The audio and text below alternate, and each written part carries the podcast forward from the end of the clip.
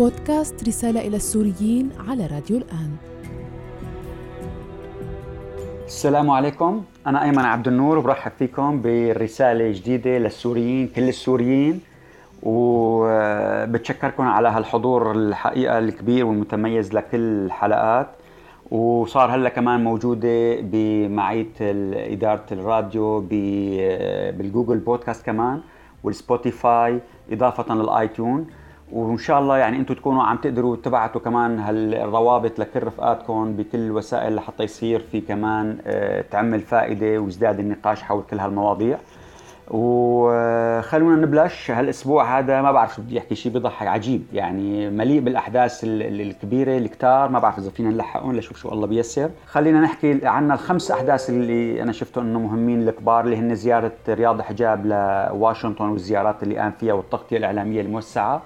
وطريقة الاستقبال اللي تم التعامل فيها من وزارة الخارجية معه. أيضا الانفجار اللي صار بلبنان. آه، أيضا الاتفاق النفط اللي صار بين شركة أمريكية مع الإدارة الذاتية الكردية واعتراف الإدارة الأمريكية العليا فيه ومصادقتها عليه وبالتالي اعتراف بشرعية الطرفين.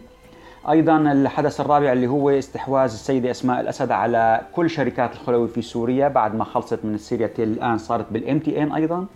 والحدث اللي ترحل من الأسبوع الفائت اللي ما لحقنا نحكي فيه رغم كان أهميته الشديدة اللي هو الحريق اللي صار بالبزورية وتداعياته وخلفياته. فدول لحالهم وفي عنا أيضا أربع خمس آه كمان أحداث إيجابية وسلبية كمان مهمين لازم نشوف. شوف شو الله بيسر نقولوا الله يلا نبلش. زيارة رياض حجاب. أخذت بعد وضجة وكثير ويلا وليش هيك صار وكيف هيك صار؟ وهل هي الأمريكان حاسبينه وعم بيحضروه؟ هل هو عم بيسعى ليعمل جسم جديد للمعارضة؟ هل هو بده يشق المعارضة السورية ولا يعيد فقط إعادة هيكلة للاجسام الحالية الموجودة؟ حقيقة هو شخص خاطر بحياته وبحياة عائلته وهو أعز ما يملك. في أثناء خروجه وهو على رأس عمله كرئيس للوزراء من سوريا. وبالتالي لديه يملك خبرة إدارية بغض النظر عن تقييمنا للإدارة إيجابية أو سلبية هذا حق كل واحد. وأيضا حق كل واحد ينتقد ايجابيا أو سلبيا في الأسلوب الاداري الذي مارسه أثناء ترأسه لهيئة المفاوضات السورية. فاذا هذا كله مسموح. غادر إلى تحت لأنه هو يبدو بيعمل فحص طبي دوري سنوي باوهايو اللي فيها من أهم المشافي الطبية في أمريكا. والسوريين نعم أهم الأطباء. السوريين هن اللي عم يشغلوا أهم أطباء أهم المشافي في أوهايو طبعا. فاذا هو هذا طبعا لازم نفتخر فيه. فقابلته وزارة الخارجية عملت البروتوكول وبحدوده العليا. يعني آه، الحدود الرفيعة تعاملوا فيها معه. وبالتالي كان في ترحيب بهالقصة فيها رسائل دولية فيها رسائل للنظام السوري فيها رسائل لكل المعارضة. وتناقشوا معه في لقاءين لقاء أول قصير اللقاء الثاني كان أيضا موسع شمل وزارة خزانة وشمل أيضا كل أعضاء فريق قيصر. تناقشوا فيها بتطبيق قانون قيصر هل هناك يسبب ضرر؟ كيف آه، تخفيف؟ إذا كان هناك ما يحصل بعض العقبات في إدخال المساعدات الإنسانية إلى سوريا وفي كل القضية السورية. وهذا هم عام هم شخصي يعني. كل واحد منا بغض النظر إذا كان عنده منصب ولا ما عنده منصب واجبه اذا كان هو عنده دافع وطني إنه يطلع يناقشه مع بلده مع البرلمان ببلده مع رئيس البلدية اللي عايش فيها بأي مدينة بأي بلد ما كان. فإذا هذا شيء يشكر عليه بدلا أن آه، يصير مسار تساؤل ونقاشات. نحن أي شخص يقوم بعمل إيجابي يصب في مصلحة هذا الشعب المظلوم المكلوم اللي عم اللي عم بيعيش في الخيام حتى لو كان في داخل سوريا في منزله آه، في ظل هذا القمع والإجرام والخوف والقلق على مستقبله ومستقبل أولاده فهو مرحب فيه ومدعوم وكلنا يجب أن نقف معه صفا واحدا. القصة الثانية الآن انفجار لبنان، قصة كبيرة، طبعا الكل أنتم سمعتوه بعشرات ما بقى حدا ما حكى عنه، نحن رح نحكي بعض النقاط اللي بتصير جدل، هذا اللي اللي ما تغطت كثير في وسائل الإعلام لحتى نكون كمان نثير عنا قضايا. أولا في عنا للأسف الشديد الشديد 43 ضحية سوري صاروا معروفين بأسمائهم بأسمائهم الثلاثية. أيضا الصوامع اللي كانوا يقولوا إنه هي صوامع عثمانية لا هي تنفذت عام 1968 من قبل شركة تشيكيه بقرض عربي وظلت سنتين انتهت عام 1970 لولا وجود تلك الصوامع آه، حقيقة موجة الضربة والانفجار 30% منها تفرغ باتجاه البحر. 50% صدته الصوامع وفقط 20% اللي دخل وأدى إلى كل هذه الكوارث والتدمير والقتلى والضحايا والداخل بيروت. فتصوروا أنتم لو ما كانت الصوامع موجودة وال50% أيضا دخلت جوا موجات الانفجار كانت شيء مرعب. الشيء الثاني اللي قيست في موجة الانفجار يبدو كأنها تعادل فقط 300 طن وليس 2750 طن المسرع عنا من الباخرة والتي تم إنزالها إلى ال... بمعنى أن خلال هذه السنوات الست السابقة كان يتم سحب من تلك الكميات ويتوقع أنها كانت تذهب إلى سوريا من أجل وضعها في البراميل التي كان يستخدمها النظام السوري لقصف المدنيين فيه. لذلك كان الانفجار أقل مما لو كان حجمه 2750 طن. خلينا نحكي أيضا في نقطة إنه ماكرون كان الأول إجا أول رئيس دوله إجا وصل قابل الرؤساء الثلاثة نزل على الشارع الآن هو مع بينسق وبشكل يومي آه، مع الرئيس الأمريكي يبدو بدهم يعملوا الآن آه، يفترض اليوم أو آه، يوم بس الحلقة يعني أو تباعا مؤتمر دولي لمساعدة لبنان. طبعا بده يكون مشروط ما راح يتركوها للدولة الفاسدة يعطوها هذه الأموال كي يجدوها تحولت إلى حساباتهم الشخصية خارج لبنان. إذا وألمانيا داعمه هذا الخط إذا في هناك توجه بهذا الاتجاه. خلينا السؤال اللي كمان أيضا بهمنا يجب أن نطرحه شو تأثيره على سوريا؟ تأثيره علينا نحن. عندنا شغلتين ما حدا ناقشهم في الإعلام. اولا الاستيراد قد لا يكون كافي مرفأ طرابلس لأنه ما مؤهل لأنه يستقبل سفن كبيرة وتنزيلها وبالتالي قد يلجأ إلى الاستيراد عن طريق مينائين طرطوس واللاذقية وبالتالي إمكانية تسريب جزء مما هو يتم استيراده إلى داخل الأراضي السورية واللي يستفيد منها النظام السوري، أيضا قد يطلب لبنان ربطه عن طرق برية من أجل تصدير مواد أو فتح الاستيراد البري مع دول الخليج العربي وبالتالي كلها سوف تمر حصرا عن طريق سوريا، أيضا قد تكون مثار للفساد، هذه النقطتين يعني هن المسار القلق. لنشوف شلون بده يتعامل معهم المجتمع الدولي، نقطة لازم ما ننساها إنه اغتيال الحريري آه، أدى إلى خروج القوات السورية في لبنان، لكن كلام نصر الله كان واضح إنه ما تفكروا إنه هذا ممكن يتكرر إنه بعد انفجار بيروت ممكن يضعف حزب الله وبالحرف الكلمة اللي قالها قد يعقب التفجير الأخير لقوه دفع تلغي دور حزب الله الأمني والعسكري في لبنان، فهو يرفض ذلك لكن الجواب اللي اللي عليه ممكن يكون كالتالي. خلينا نقول أنت إذا أنتم عم تدعوا إنه مو حزب الله المسؤول عن القصة. عم تقولوا إسرائيل؟ طيب إسرائيل إذا انها هي إسرائيل اللي ضربت. هل ضربت إسرائيل؟ إذا قلتوا لا إذا معناتها فساد كامل وحزب الله هو المسؤول عن القصة، إذا قلتوا نعم هي اللي ضربت، طيب هل هي كانت عم تضرب هدف لحزب الله؟ إذا نعم طيب ليش حزب الله اللي حاطط هذه الأهداف اللي بدها تضربها إسرائيل وقنابل موقوتة ضمن قلب رئة العاصمة بيروت؟ ما حدا بيعملها في التاريخ. إذا لا ما كانت عم تضرب شيء لهدف لحزب الله. طيب لكن أنتم مين اللي مخلي ست سنين سبع سنين هذا الهدف اللي اجى في الخطأ من ضربته إسرائيل ضمن موقع استراتيجي هام في قلب العاصمة؟ بكل الأحوال كل المنظومة السياسية والأمنية والبرلمانية والقضائية مسؤولة وفاسدة فاذا هي كلها مسؤولة عن هذا الأمر.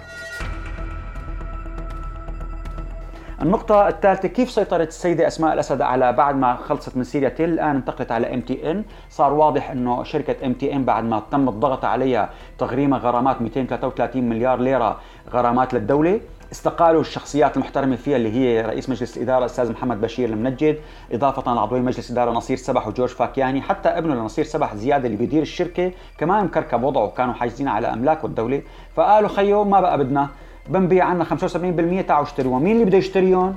نفس الجماعة اللي عندهم ال 25% الثانية اللي هن أولاده للدكتور حسين إبراهيم اللي هن مين؟ يسار ونسرين إبراهيم، فاذا صارت الشركة 100% للأخ وأخته اللي هن من أصدقاء السيدة أسماء. وبالتالي سلامتكم يا قطاع الخلوي.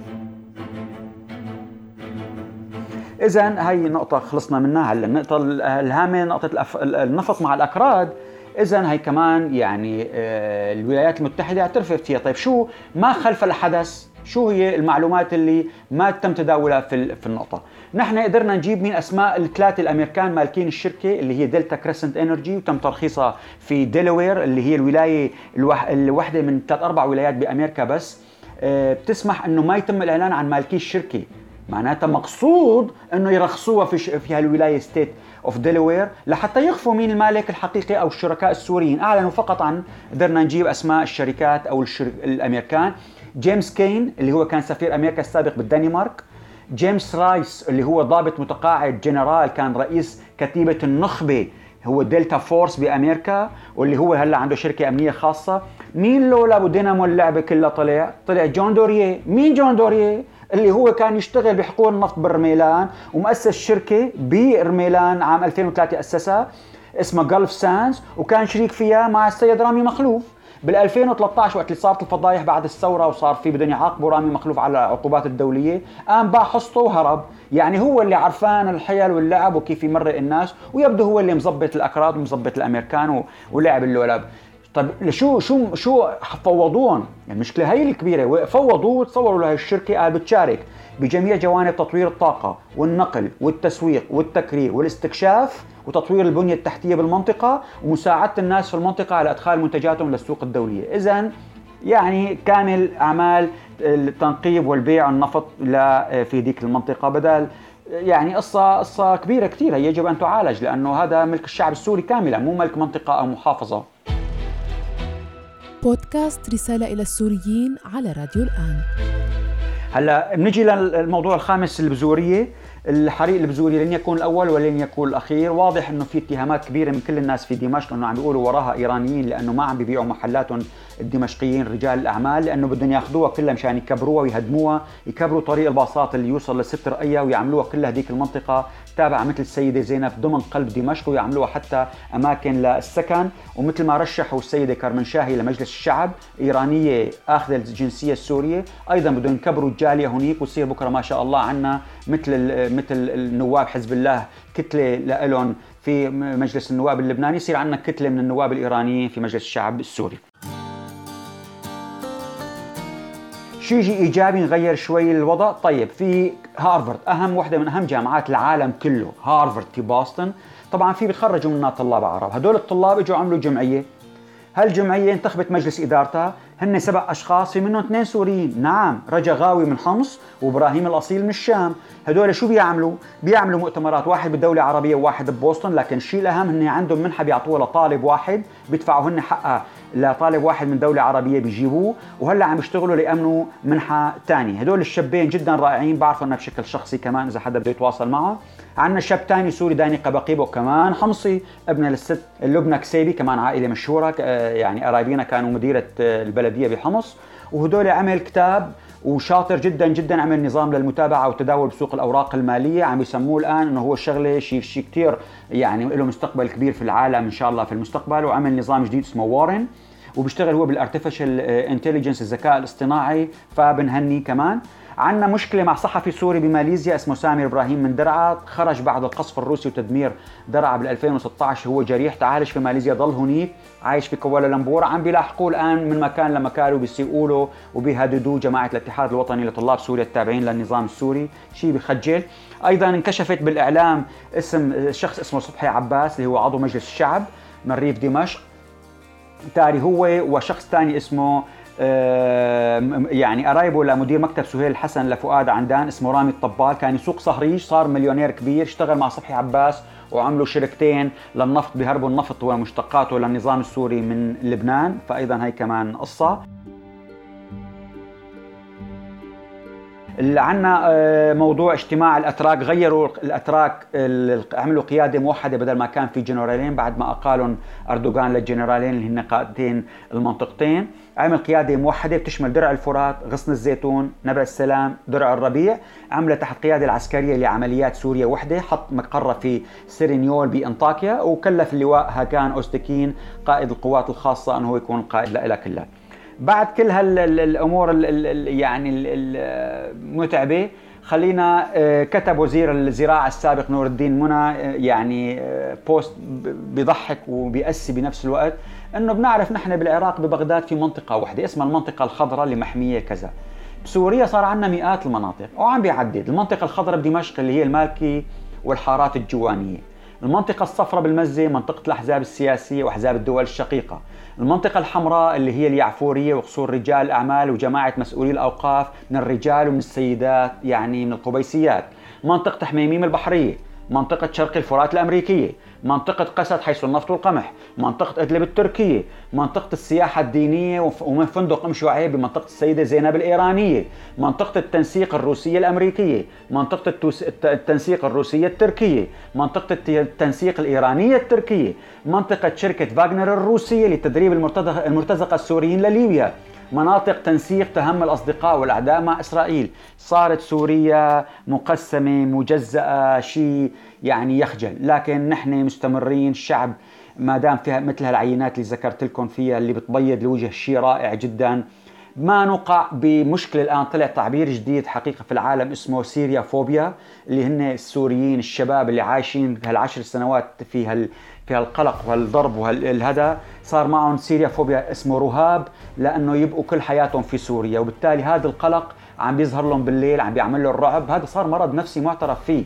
بالتالي بدنا نخرج من القصة كلنا نحن شعب عريق حضاري سوريا بتستاهل نضحي مشانها. سوريا ليست عبارة عن تذرر ونجت نتيجة خطأ. من سايكس بيكو. بلد يستحق أن نتعب بلد يستحق أن نضحي وسوف نجعله بمعية جميعنا كل جميعا من أعظم البلاد في المنطقة حضارة ونورا يشع إلى كل العالم. نلقاكم الأسبوع الجاي. ابعتوا الرابط لكل رفقاتكم وشكرا لكم.